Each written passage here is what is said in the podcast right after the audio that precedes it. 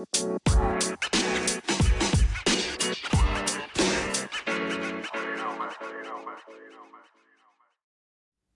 welcome back to Ronaward Podcast, podcast yang membahas berbagai macam isu transportasi yang dibahas secara ringan dan santai bersama gue Insan Rido. Um, episode 50 Roundabout Podcast. Um, gue tidak menyangka sejauh ini gue bisa membuat podcast dengan jumlah episode 50 biji. Dan gue tahu mungkin ini angka yang masih sangat kecil dibandingkan podcast-podcast lain yang mungkin sudah ratusan bahkan ribuan.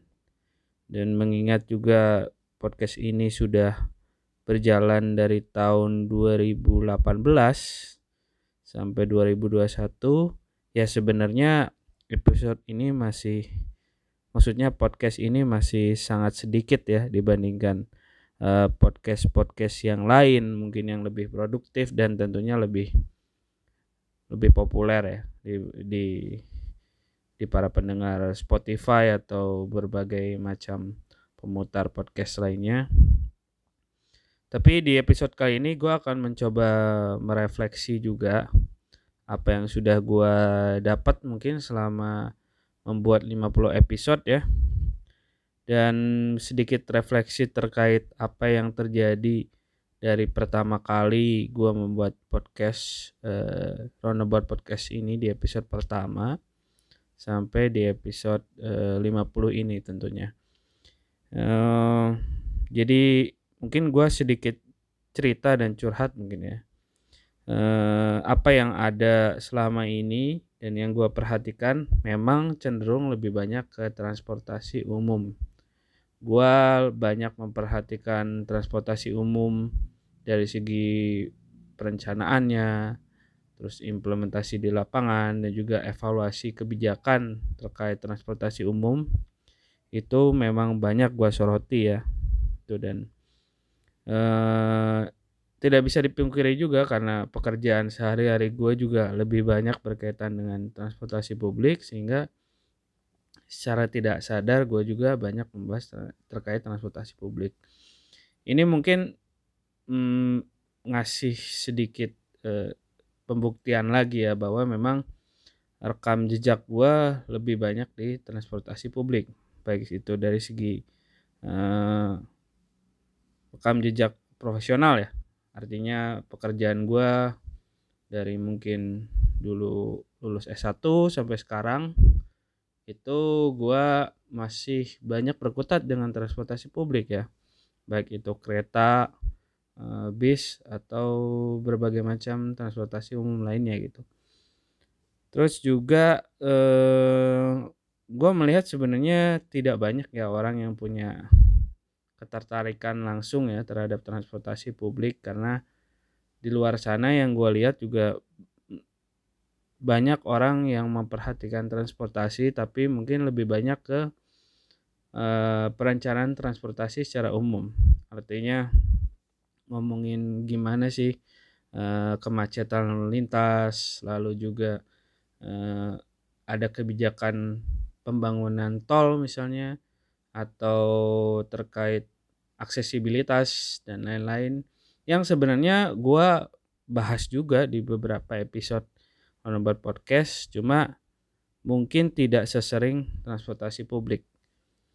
Dan ya gue di sini juga mencoba banyak belajar ya artinya eh, walaupun gue suka dengan transportasi publik seperti bis kereta dan lain-lain tapi gue terus belajar terkait hal-hal lain yang berbau transportasi tentunya um, gue menangkap sih sebenarnya transportasi itu banyak juga dibahas di berbagai podcast ya. Baik itu memang yang podcast yang dedicated ya artinya podcast yang khusus soal transportasi atau perencanaan kota maupun e, beberapa episode dari podcast-podcast yang memang sudah berjalan walaupun temanya tidak soal transportasi saja gitu.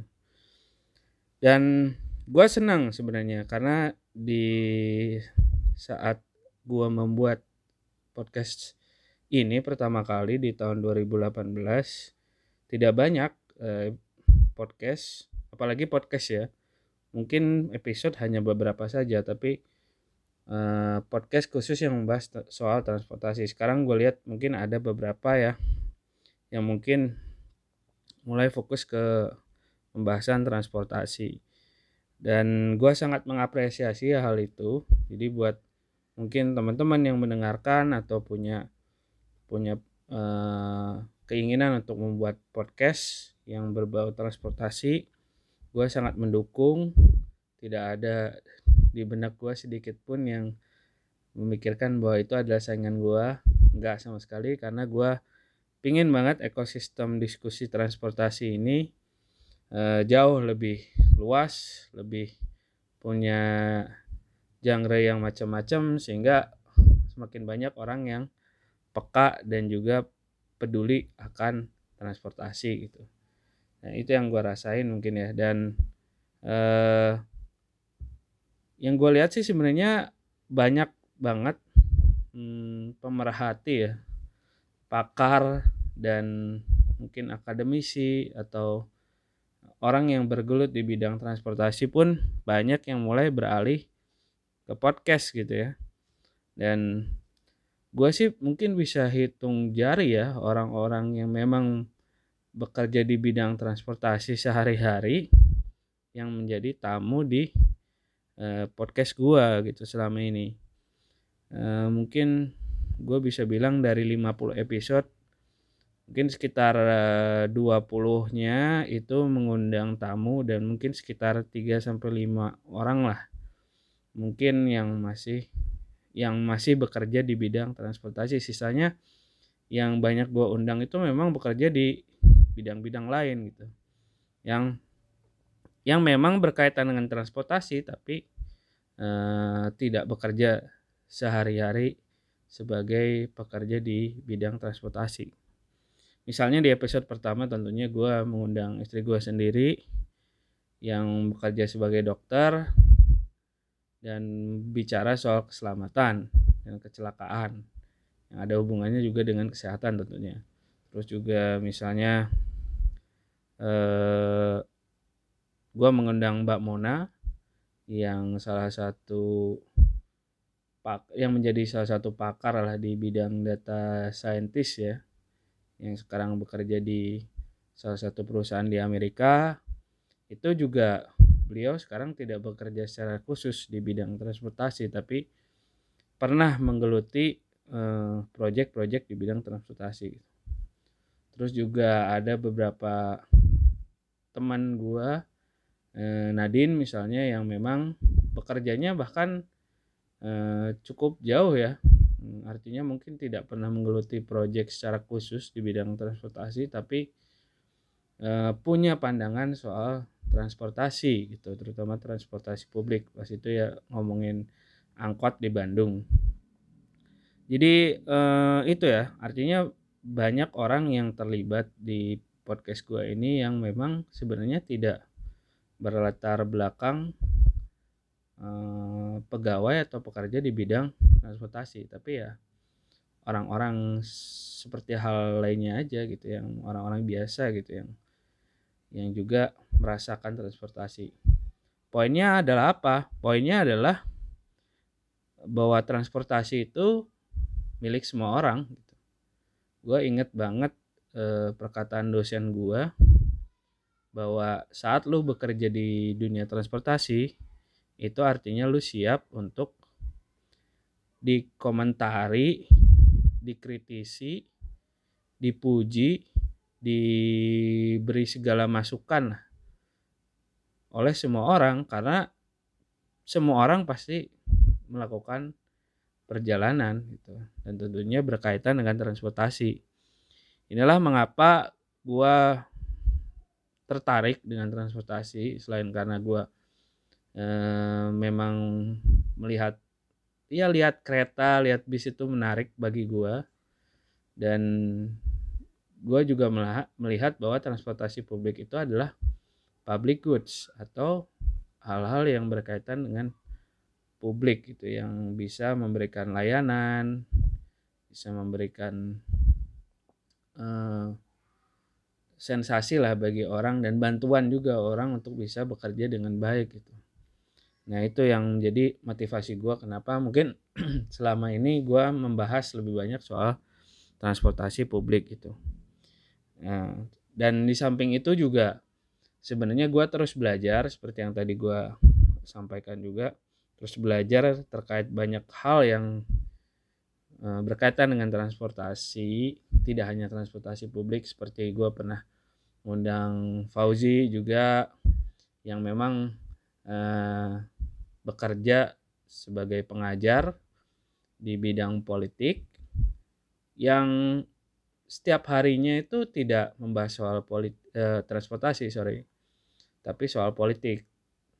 Dan kita tahu bahwa kebijakan transportasi juga erat kaitannya dengan uh, politik ya. Jadi mungkin manuver-manuver politik dari kepala daerah atau dari kepala dinas atau kementerian itu sangat erat hubungannya dengan apa yang terjadi di lapangan. In transportasi secara umum maupun transportasi publik juga gitu. Dan gue juga sempat mengundang teman gue Yorga yang sekarang masih sekolah di London yang dia lebih tertarik soal startup ya. Yang gue pas itu bahasnya bukan transportasi publik bahkan soal uh, red hailing ya. Seperti ojek online yang sebenarnya di dunia transportasi ini banyak yang menganggap red hailing ini menjadi sebuah momok ya. Artinya musuh besar uh, orang yang bergerak di bidang transportasi berkelanjutan atau sustainable transport. Itu banyak yang antipati terhadap uh, ride hailing ya atau ojek online lah kasarannya gitu. Kalau dalam kacamata gue pribadi sih sebenarnya ojek online ini bisa saja dimanfaatkan untuk kepentingan yang lebih luas ya. Artinya tidak hanya membantu secara ekonomi bagi orang-orang yang sulit untuk mendapatkan pekerjaan ya, tapi juga bisa memberikan keberlanjutan transportasi yang ramah lingkungan, terus juga lebih murah ya, dan dan bisa menjangkau semua orang gitu. Dan gue bahas pas itu sama Yorga terkait perkembangan bagaimana ojek online ini bisa bisa berkolaborasi dengan transportasi umum atau transportasi yang sudah ada gitu. Terus juga tentunya selain bersama tamu-tamu itu gue bahas sering gue bahas terkait sepeda, terkait aksesibilitas buat orang-orang yang mungkin terkendala ya, orang-orang yang hmm, teman-teman disabilitas itu tentunya gue selalu dorong untuk bisa uh, dibahas terus dan terus uh, di didengungkan untuk uh, semua orang tahu gitu. Karena penting sekali kita tetap memberikan perhatian kepada orang-orang yang mungkin belum bisa mendapatkan tempat gitu yang layak di di di dunia ini ya terutama orang-orang yang tidak punya privilege ya untuk bisa melakukan eh, aktivitas seperti biasa seperti orang-orang disabilitas juga eh, orang-orang yang marginal ya secara ekonomi mungkin belum belum mapan dan lain-lain gitu. Jadi eh, kurang lebih itu sih refleksi gua selama membuat Roundabout Podcast dan mungkin di pesan-pesan terakhir gua ini sebelum uh, episode ini selesai ya gue tahu mungkin yang mendengarkan podcast ini secara konsisten ya. Bahkan saat gue membuatnya tidak konsisten pun tidak banyak. Jadi buat yang mendengarkan buat podcast mungkin yang baru mendengarkan di episode ini atau sudah ngedengerin dari episode beberapa episode sebelumnya atau bahkan dari awal banget gue mau mengucapkan terima kasih banyak semoga lu bisa belajar banyak dan gue yakin juga gue belajar banyak bagaimana bisa menyampaikan ide, gagasan, dan juga isu-isu terkini soal transportasi. Jadi terima kasih sekali lagi, semoga bisa ngasih Eh, benefit dan juga faedah lah bagi kehidupan lu semua. Jadi terima kasih. Kita akan jumpa lagi di Ranover Podcast berikutnya. Jadi stay tune. And have a nice day.